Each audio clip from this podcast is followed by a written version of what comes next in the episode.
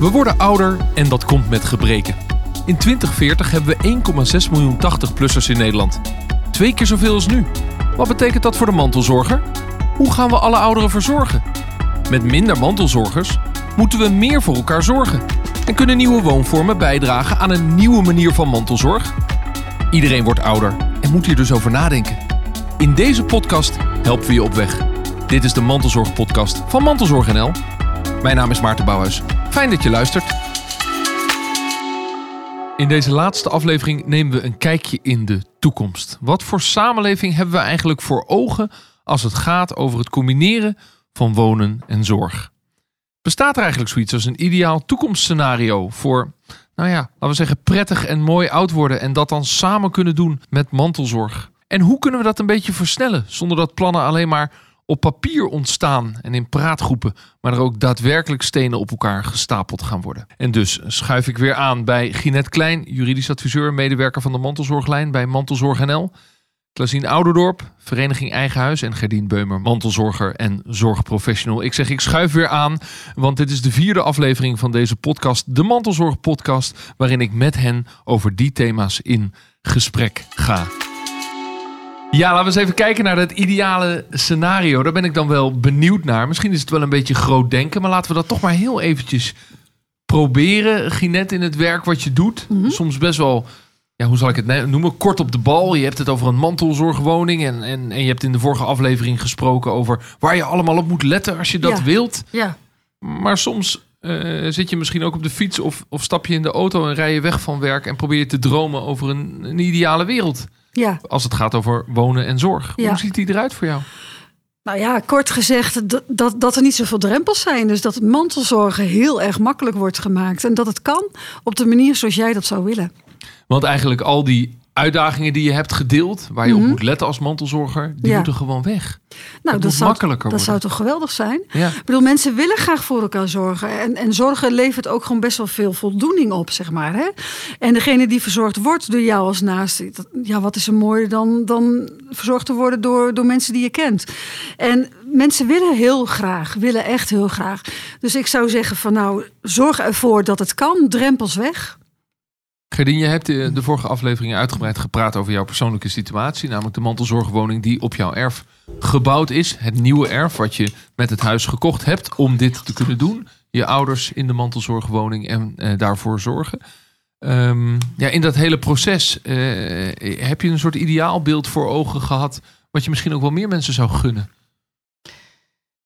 Ehm, een ideaalbeeld. Ja, wij, wij hebben in die hele ontwikkeling een beetje go with the flow. En wat ik als ideaalbeeld had, was... ik wilde zo graag het leven nog een beetje toevoegen aan de tijd. Snap je dan wat ik bedoel? En ik merkte door de zorgen rondom mijn ouders... maar ook de zorgen die mijn ouders zelf hadden... dat er geen leven meer in zat. Nee, dat was het overleven van de tijd. Juist. En nu wil je leven toevoegen aan de tijd. Ja, en dat klinkt misschien heel zwaar, maar wel door mooi. zeg maar, het leven wat mijn jong, ja, toch nog betrekkelijk jonge gezin heeft en uitstraalt, om dat een beetje te voegen eh, en in te voegen, in te weven in dat van hun. Zodat het een beetje op een organische manier voor beide partijen nog een beetje leuk is. Het interessante aan jouw antwoord is dat het heel iets anders is dan we zouden op die manier moeten gaan wonen en we kunnen op die manier voor elkaar zorgen. Ja, uiteindelijk gaat het dus over hoe je emotioneel ehm, het leven beleeft. Ja, En dan helpt het als je een beetje leven kunt toevoegen aan de tijd. ja. En dat je niet zozeer tijd hoeft toe te voegen. Nee, de tijd die je hebt, dat dat nog een beetje leuk is. Ja, en heel praktisch gezien is al die mantelzorgritjes tussen Noord-Holland en Friesland. Ja, ouders wonen in Friesland. Die tijd, die zinloze tijd, Zonde. die krijg je terug. En Ja. die kun je vullen met meer waardevolle tijd. Juist, ja. Ja, en, en voor de een geldt dat, eh, dat dat inderdaad die mantelzorgwoning in de tuin is. Voor een ander eh, in, in, in een woonzorgomgeving. ehm, eh, ja, Maar voeg leven toe aan de tijd. De, eh, voeg leven toe aan de tijd. De oude Grieken ehm, hebben twee begrippen voor tijd. Wist je dat? nee? Namelijk chronos en kairos. ja, En chronos is de chronostijd van je horloge. Dat is over vijf minuten en om twee uur 's middags. Dat is de tijd die in onze westerse samenleving extreem dominant is geworden. Laten we wel wezen. Ja. En de kairos tijd is beter vrij vertaald als momentum. Juist. tijd hebben voor datgene wat ertoe doet. Juist. Nou, en dat, noemen de Grieken dus kairos. Mooi, En ja. eh, eh, filosofen die zeggen dus, die schrijven daar boekjes over in managementboekjes. En die zeggen, gun jezelf meer kairos tijd. Ja, ja. Nou, dat is misschien wel wat ik, wat ik in de kern eh, probeer te zeggen, inderdaad. Ja, ja. Nou, dat. Mooi. Als je daarnaar luistert vanuit Vereniging Eigen Huis, waarin jullie jullie leden, 800.000 leden, proberen te helpen met wat is de volgende stap in wonen. Misschien wel meer generatiewoningen, combineren met mantelzorgen. Eh, gaat het dan ook gewoon over tijd en waarde van het leven? Ik denk het wel. Ik denk in de kern gaat alles over tijd en waarde eh, van het leven. Ik denk ook dat je, je wil op tijd beginnen. Je wil ook dat mensen op tijd gaan nadenken over hun toekomst. Daar begint eigenlijk alles mee. Dus ik zou ook zeggen, ja, de overheid in samenwerking met gemeentes en maatschappelijke organisaties zet mensen aan, nog meer dan nu, om na te denken over hoe ziet jouw woontoekomst eruit. Want er is ook niet een eenduidig antwoord op te geven. En je hebt gewoon klokkentijd nodig om toch zaken voor elkaar te krijgen. En ik, ik denk dat dat heel belangrijk is. Mensen moeten op tijd beginnen met na te denken over hoe willen zij verder gaan leven. Maar vervolgens is het natuurlijk wel zo dat dan die woning, het, het moet er wel zijn. Er moeten passende seniorenwoningen zijn of alternatieve woonvormen die daarvoor geschikt zijn. En ja, we hebben het al eerder over belemmeringen gehad. Neem die belemmeringen weg. En dat is dan wel gericht aan de overheid. Juridische, financiële belemmeringen die mensen tegenhouden om te gaan wonen zoals ze zouden willen wonen. Ja. Want Ja. heb jij een uitgesproken ideaalbeeld voor je van hoe de, de woningbezitter dan in Nederland eh, zijn vrije keuze heeft om het zo in te richten zoals hij of zij wil? Ik denk dat op het moment dat iemand weet wat hij wil, dan zou het fantastisch zijn als dat ook beschikbaar is. Als je op dat moment een stap kan nemen en het gaan regelen. En dat je niet van tevoren eh, moet gaan tobben over, ja, kan het eigenlijk wel? En ik hoor zoveel negativiteit en misschien is er wel niks voor mij. En je zou het eigenlijk, we hebben het nu over de eigen woningbezitter, maar je zou het ook wel iedereen gunnen. Want ik denk, we hebben het nu eh, een aantal afleveringen gehad over wat zijn nu zo al de mogelijkheden. En ehm, ja, uiteindelijk praten we iedere keer over geld. Mensen nemen geld mee, want ze kunnen een huis verkopen. Mensen hebben geld om het goed te regelen bij de notaris. Maar hoe moet het nou met die mensen die dat niet hebben? Mensen die in sociale huurwoningen wonen, waar geen mantelzorgunit in de tuin geplaatst kan worden. En waar mensen slecht een kant op kunnen. Ja, ook die mensen zou je het gewoon van harte gunnen. Ja, en dat vraagt ook om een visie, een overheidsbeleid om ja, mantelzorgen en wonen makkelijker te combineren. Precies. Voor eigenlijk alle woongroepen in, eh, in Nederland. Voor iedereen. Ja. Nou, laten we straks nog even doorpraten, heel graag met jullie over ehm, ja, hoe we dan kunnen versnellen. Want dat is wel belangrijk, want we vergrijzen toch in een eh, hoog tempo. En ja, het is te hopen dat we op de een of andere manier eh, ook ja, met deze podcast willen we dat eigenlijk ook een beetje actie kunnen maken. als het gaat over wonen en zorg en mantelzorg met elkaar combineren. Iemand die zich daarin vastbijt is Yvonne Witter. Zij is eh, adviseur en initiatiefnemer van Zorgzaam Wonen. Dat is een landelijk platform wat zich bezighoudt met wonen, zorg en welzijn. En in elke aflevering bel ik eventjes met eh, Yvonne. Ik ben natuurlijk ook wel benieuwd hoe haar ideale toekomst eruit ziet. Yvonne, hele goede dag. Ja, ook deze laatste aflevering wil ik zeker eventjes met je bellen. Je hebt vorige keer in onze gesprekken ook gesproken over allerlei voorbeelden die je ziet in het land van ja, mooie woonzorgvormen eh, in Nederland. Er is heel veel variatie. Eh, maar mijn vraag hier aan tafel nu is: hoe kunnen we nou versnellen? Hoe zorgen we nou dat we. Ik, ik zeg het aan het begin van deze podcast steeds. In 2040 hebben we 1,6 miljoen 80-plussers. Dus we moeten echt vol aan de bak. Wa- Wat, wat zie jij als manier om creatievere vormen van woonzorg... om daar veel sneller in te kunnen ontwikkelen? Ja, de grootste knelpunten zijn eh, de locatie en eh, financiering, samenwerking. Dat zijn eigenlijk de, ja, de grootste knelpunten om woonvormen snel te realiseren. Er is een gebrek aan locaties. Daar begint het mee. Gebrek Ja. aan locaties, grond. Ja, zeker. Herontwikkellocaties. Het, het, zal, het zou zeker helpen als eh, gemeenten eh, zorgen dat er eh, genoeg eh, grond wordt toegewezen aan bijvoorbeeld burgerinitiatieven. Eh, en dat er ook gekeken wordt naar eh, bestaand vastgoed, het transformeren van eh, oude kerkgebouwen, kloosters, scholen. Er kan ook veel meer gedaan worden met het bestaande vastgoed. Dus dat eh, is al fijn, maar ook inderdaad eh, de locaties eh, reserveren voor burgerinitiatieven. Het gebeurt nog wel eens dat de grond, de schaarse grond die er dan is, wordt toegewezen aan degene die het meeste kan betalen. En nou ja, dan dan delven burgerinitiatieven vaak het onderspit. Ja, maar dat Dus is dat dus in de huidige dat- markt. Heb je dat dan gezien de afgelopen drie jaar? Dat het in de huidige markt nog moeilijker is dan daarvoor? Ja, zeker. Desondanks zijn er ook wel eh, goede voorbeelden van bijvoorbeeld de gemeente Amsterdam, die duidelijk zegt van wij willen zoveel geclusterde woonvormen en we gaan ervoor. Dus als een gemeente wil, dan kan die zeker een, eh, bijdrage leveren om het proces wat sneller te laten verlopen. Ja, dus er zijn knelpunten. Je noemde ik, ja. bijvoorbeeld ook Ja. communicatie, hè, samenwerking. Ja. Dat ook samen willen doen. Maar het helpt dus als een bestuurder zegt... we gaan zoveel vierkante meters ontwikkelen. eh kosten wat kost voor 2025 of voor 2030. dus het is ook een oproep aan gemeenten... om gewoon zo'n stip op de horizon te zetten, toch? En dat samen te doen met eh, de partners zoals de corporaties, zorgorganisaties, de burgerinitiatieven. Om samen te kijken van wat is er nodig? Hoeveel ruimte hebben we daarvoor nodig? Hoe kunnen we dat zo snel mogelijk met elkaar realiseren? En als eh, de partijen willen samenwerken, dan kan er echt veel. En dan kan het ook wat sneller dan nu. Oké, maar als je dan gaat samenwerken en je gaat een plan ontwikkelen... dan is de vervolgvraag... hoe maak je datgene waar de behoefte is bij eh, ouderen... maar misschien ook bij als je meerdere generatiecomplexen gaat maken... dus dan dus ook eh, bij de, bij de mensen van rond de 40 en de mensen met kleine kinderen... en, en, en allerlei type generaties die in zo'n complex gaan wonen. Hoe zorg je nou dat datgene wat gevraagd wordt, waar, waar, behoefte aan is... dat dat ook gemaakt wordt, hè? het matchen van vraag en aanbod. Is dat moeilijk?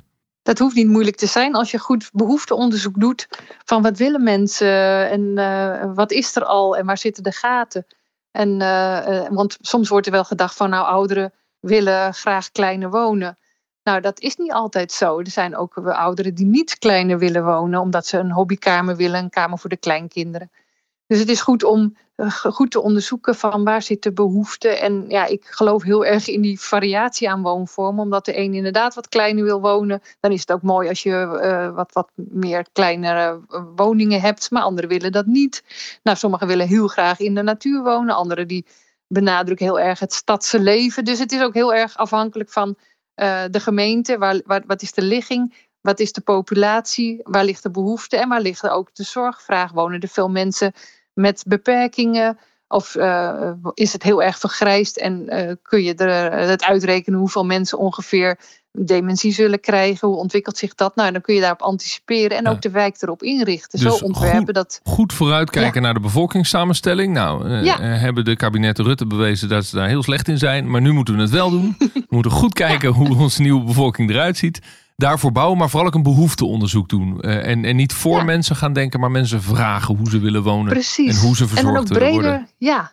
En dan ook breder kijken dan alleen de woning. Want de woning is heel belangrijk, absoluut. Maar het gaat ook om de woonomgeving, om de inrichting van de wijk, om het voorzieningenniveau. En ook om ontmoeting te stimuleren. Je kunt in de bouw ook heel veel doen om ervoor te zorgen dat mensen elkaar op laagdrempelige wijze kunnen ontmoeten. Dat draagt gewoon bij aan uh, uh, het gevoel van erbij horen. Ja. Het voorkomt eenzaamheid. Nou, dus je kan ook veel meer met de omgeving. Dus het Heel is niet veel alleen wat wonen. bij kan dragen aan jouw ideale wereld. Hoe ziet die ideale, Ja. ideale wereld tot slot in 2030 eruit? Mijn ideale wereld zal zijn dat uh, iedere wijk in Nederland een, uh, een zorgzame wijk is. Waar mensen naar elkaar omzien. Waar mensen kunnen meedoen. Ongeacht leeftijd of beperking. Waar gewoon iedereen fijn kan uh, participeren. lekker meedoen. elkaar kan ontmoeten. En waar het gewoon leuk is. Wauw. Dankjewel. Wij gaan uh, denk ik hard doorwerken hier, zeker bij Mantelzorg NL, aan die ideale wereld. Maar dat doe jij ook dagelijks, hè Yvonne? Zeker, daar ga ik ook altijd mee door. Ja, heel goed. Ik vond het erg leuk. Fijn dat je in onze podcast elke keer eventjes, uh, um, nou ja, jouw verhaal vertelde over uh, waar we op moeten letten om uh, goede en succesvolle woonzorgvormen te ontwikkelen. Graag gedaan. Doei. Ja, Yvonne Witter dus. Uh, zij spreekt, uh, Klazien, uitgebreid over behoeftes. En ze zegt, we moeten mensen vragen wat hun behoefte uh, is. Dat, dat heb ik jou in eerdere afleveringen ook horen zeggen. Ja. is dat dan, want heel interessant dat ook zij die oproep doet. Vinden we dat dan zo moeilijk om gewoon aan mensen te vragen wat ze willen? Nou, je merkt dat ook wel in dit, uh, ja, het, als je het over senioren hebt. We praten heel veel over oudere mensen, over senioren. Maar we praten misschien heel weinig met ze. En dat is best wel, uh, ja, laat ik zeggen, dat, dat daarmee uh, weet je niet wat er bij de mensen leeft. Maar vaak weten mensen zelf ook niet wat er bij hun leeft. En dat is wel een ding. Ik denk dat uh, in combinatie met praat met de senioren, welke behoeften zijn er, je mensen ook moet aanzetten goed te na te denken over de toekomst. Wat wil je nu eigenlijk? En ehm, als je met een partner bent, zorg nu dat je het met elkaar eens wordt. Dat is ook nog wel een uitdaging vaak. De een wil dit, de ander wil dat. En het gevolg is dat je per saldo misschien niks doet omdat je niet weet waar je dan uh, naartoe gaat of naartoe wil. Ja, de vraag is natuurlijk dat uh, als we in de toekomst willen versnellen, omdat we dus uh, vergrijzen. Ik, ik, zeg het ook aan het begin van elke aflevering. we krijgen ongelooflijk veel extra 80-plussers. En dus zullen we meer moeten gaan mantelzorgen. En dus hebben we ook gewoon meer woonzorgcombinaties nodig. Ben ik blij dat ik elke aflevering eventjes kan bellen met uh, vrouwtje de Jonge uit Almere, de wethouder. Zij is namelijk naast wethouder ook ambassadeurs van de Taskforce Wonen en Zorg. Nou, die taskforce gaat misschien wel helpen aan die versnelling. Die taskforce ondersteunt en stimuleert gemeenten, woningbouwcorporaties en zorgorganisaties bij een gezamenlijke aanpak van de woonzorgopgave. De taskforce wil het gesprek op lokaal en regionaal niveau aanjagen. En let op, daarnaast lost de taskforce hardnekkige problemen op die de aanpak van de opgave in de weg staan. Nou, een mond vol, een prachtige missie. De vraag is, wat gaat dat opleveren? Nou ja, kijk, uh, een mond vol inderdaad voor uh, een taskforce die eigenlijk zegt: jongens, kom op nou. We zitten met elkaar te kijken naar een situatie waarvan we zeker weten dat die gaat ontstaan. Namelijk dat er heel veel ouderen bij komen die vroeger of later ook behoefte aan zorg hebben.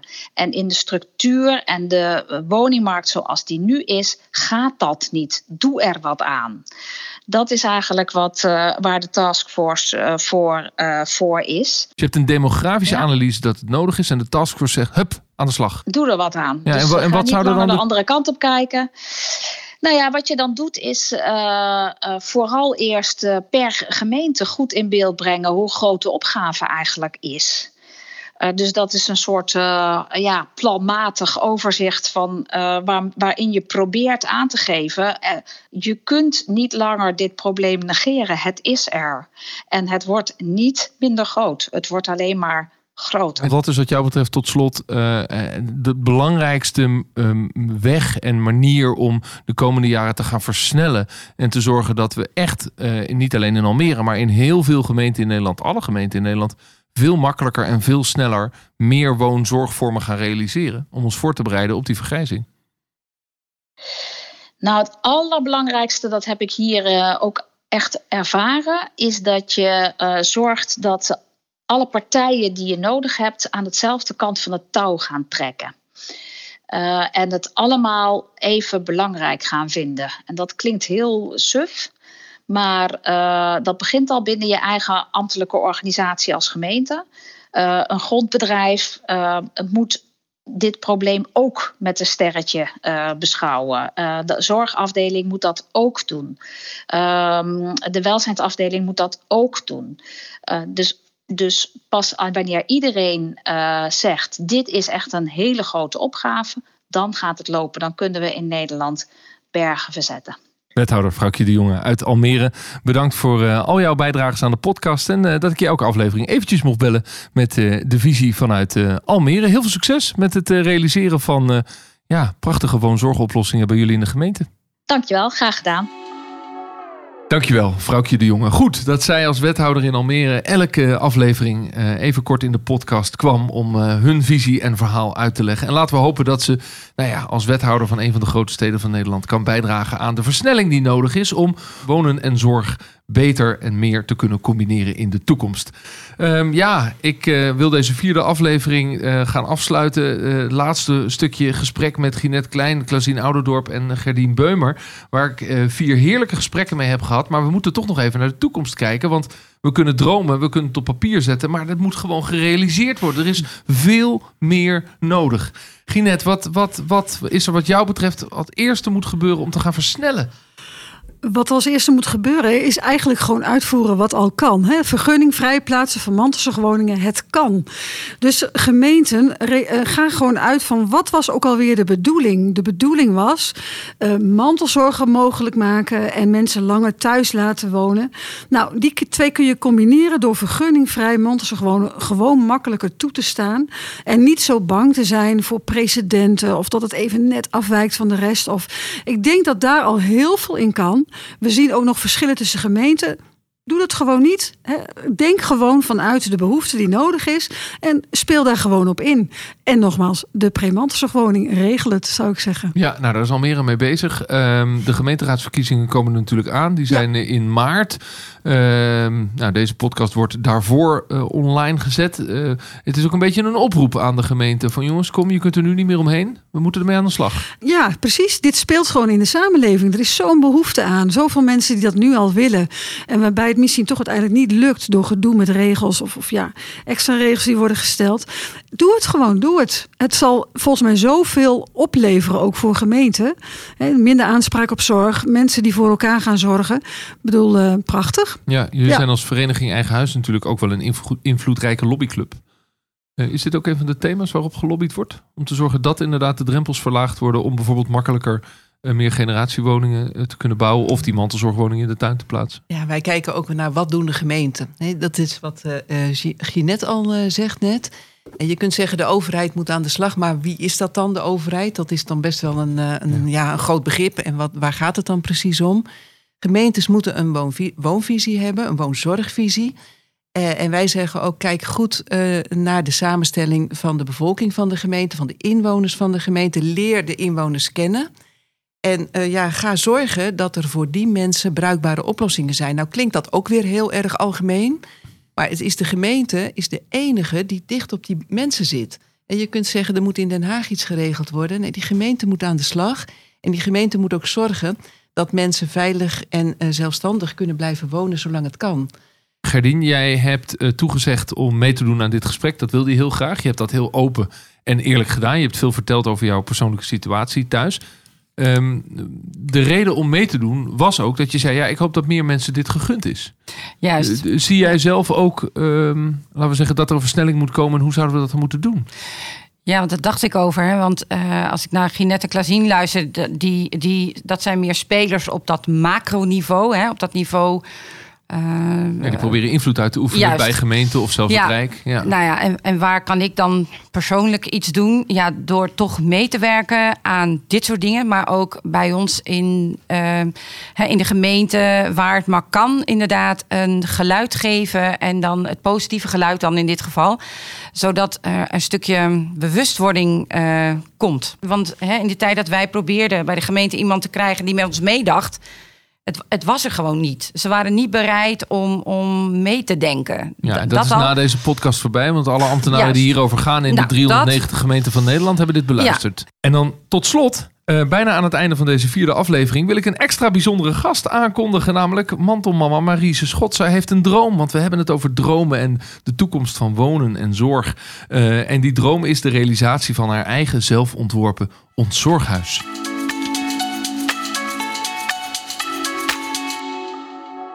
Dag Marise, fijn dat ik je eventjes kan bellen. Jij bent initiatiefnemer van een ontzorghuis. Dat heb je gedaan vanwege ja, persoonlijke omstandigheid. Vertel, wat was de reden dat je uh, dat wilde ontwikkelen? Nou, sinds zes jaar ben ik moeder van een zorgintensief zoontje. Uh, mijn zoontje is geboren met een chromosoomafwijking. Hij heeft een uh, hartafwijking. Dat waren de eerste twee jaar vooral gezondheidsproblemen. En nu is er gedragsproblematiek. hij heeft natuurlijk autisme en een verstandelijke beperking. En eigenlijk uh, al zes jaar nou, hebben we heel veel zorg om ons te ontzorgen. En ik zag altijd voor me hoe fantastisch het zou zijn als ik op een plek zou wonen met meerdere uh, gezinnen die in dezelfde situatie zitten, waarbij je elkaar kan helpen en ondersteunen. En waar de zorg op uh, afroep uh, beschikbaar is. En dat idee ben ik gaan ontwikkelen. Je bent natuurlijk geleden. eerst gaan kijken of het al bestond. En toen was het antwoord nee.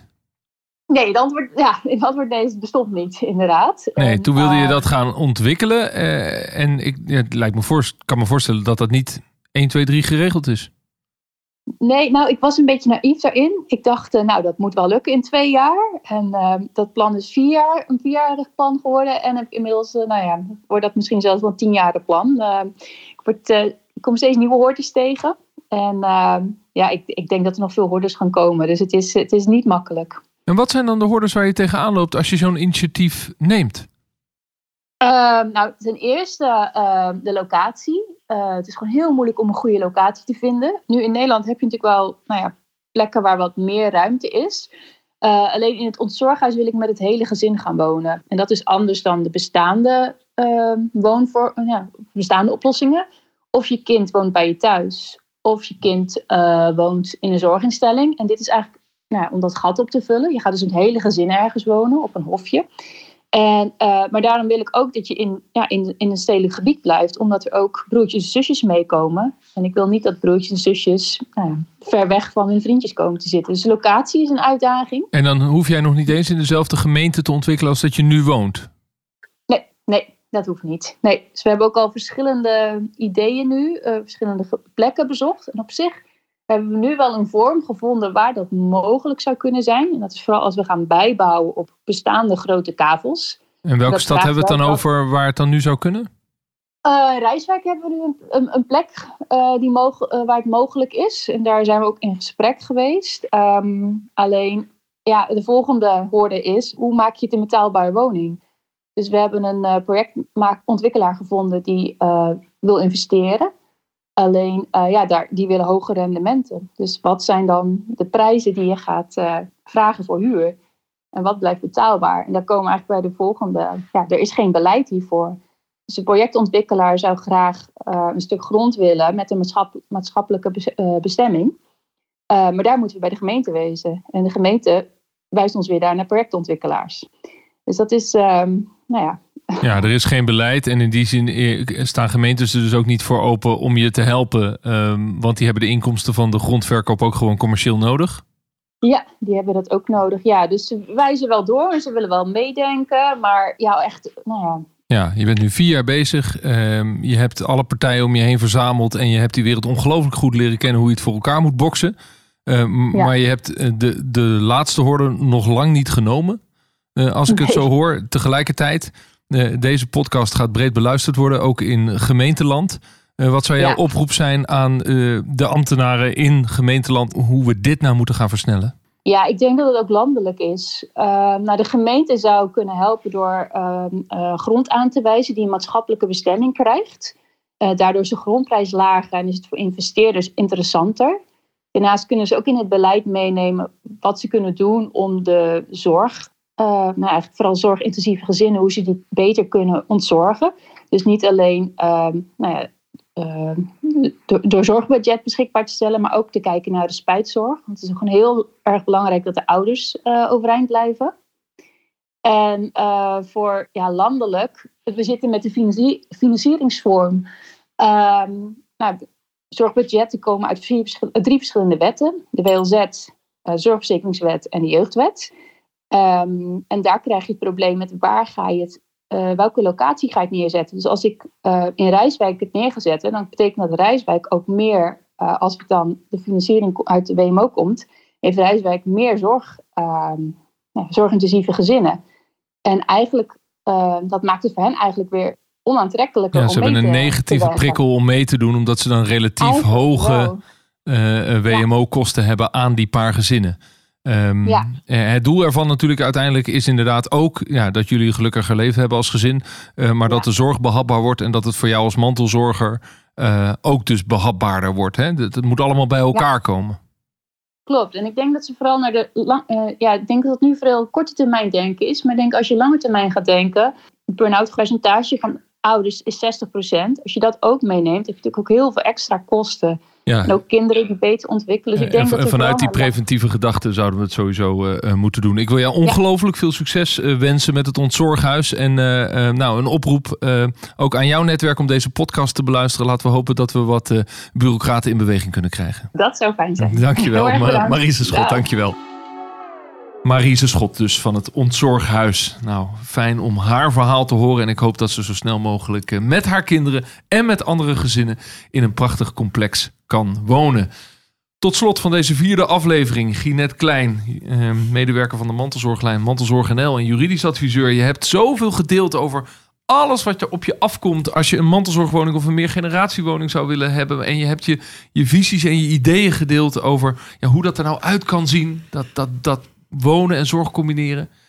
En dat ook voor een beter leven voor de mantelzorger. Mm -hmm. heb, heb jij een soort droombeeld? Het is nu 2022, dus over acht jaar is het 2030. Waar, waar staan we dan met dit thema? Een mantelzorgwoning binnen drie maanden in je achtertuin. That's it. Ja. Ja. Meer hoeven we er niet over te zeggen. Een mantelzorgwoning binnen drie maanden in je achtertuin. Ja. Klasien Ouderdorp, Vereniging Eigen Huis. Eh 2030, waar staan we dan? Nou, ik hoop dat veel meer mensen dan nu weten wat ze dan willen. En dat datgene wat ze willen ook te krijgen is. Dat is het enige wat ik daarover wil zeggen. Dat het makkelijker te krijgen is. En dat, dat eerst vond ik interessant. Mensen weten veel beter wat ze willen. Ja. Dus mensen moeten leren keuzes te maken. Precies. Goed nadenken over de toekomst. Weten wat je wil. In een droom is het dan ook beschikbaar. Al die Uiteraard. alternatieve woonvormen waar we het over gehad hebben, Ja. ze zijn er gewoon. Eh, en als je denkt, welke waren dat ook weer allemaal? Nou, begin weer bij aflevering 1, want we hebben zoveel besproken. Eh Gerdien Beumer, mantelzorger, zorgprofessional. Je bent ook gespecialiseerd in palliatieve zorg. Ja. Eh, nou, ik wil niet te lang met jou over het einde van het leven praten, maar ik wil juist toekomstig vooruitkijken. In 2030 ben je nog steeds voor je ouders aan het zorgen, laten we het hopen. Zou kunnen. En leven toevoegen aan de tijd. Ja, En dat is eigenlijk waar jij je op richt de komende jaren. ja, ja. En als je dan vraagt aan me hè, van waar, waar zie jij jezelf of wat zou je wensen voor 2030? Nou, ik denk dat er dan sowieso meer mantelzorgen zijn. En dan wens ik dat dat in alle woonvormen toepasbaar is die, er, eh, hè, die passen, ze, passen bij de situatie. En dat ook de mantelzorgers zelf ondersteund eh, worden eh, door en in de maatschappij. En dat de samenleving terugkijkt op acht jaar eh, ontwikkelen naar dat punt. En dat we jou als een van de voorlopers en ambassadeurs daarvan zien. Misschien. Mag je wel trots op zijn. Dankjewel, Dankjewel. Gerdien Beumer, dat je jouw verhaal hier wilde delen in deze podcast. Dankjewel, Ginette Klein. Dankjewel, Klasien Ouderdorp, Vereniging Eigen Huis. En eh, Ginette Klein uiteraard van Mantelzorg NL. eh, voor deze vier leuke gesprekken. Eh, we gaan de podcast, zoals dat heet, live zetten. En mensen gaan het beluisteren. En ik heb het al afgesproken, alle gemeenten in Nederland moeten het beluisteren. Juist. Want we hebben wat te doen. Verplichte Zo is kost. het. Zo is het, verplichte kost. Eh, enorm bedankt voor het luisteren. Het was mij een groot genoegen deze Mantelzorg podcast eh, te mogen presenteren. En ik weet zeker van de Mantelzorg podcast van Mantelzorg NL komen er nog veel meer hele mooie afleveringen over heel veel thema's die besproken kunnen worden als het gaat over mantelzorgen. Let een beetje op elkaar, zorg voor elkaar en woon prettig. Bedankt voor het luisteren. Dag.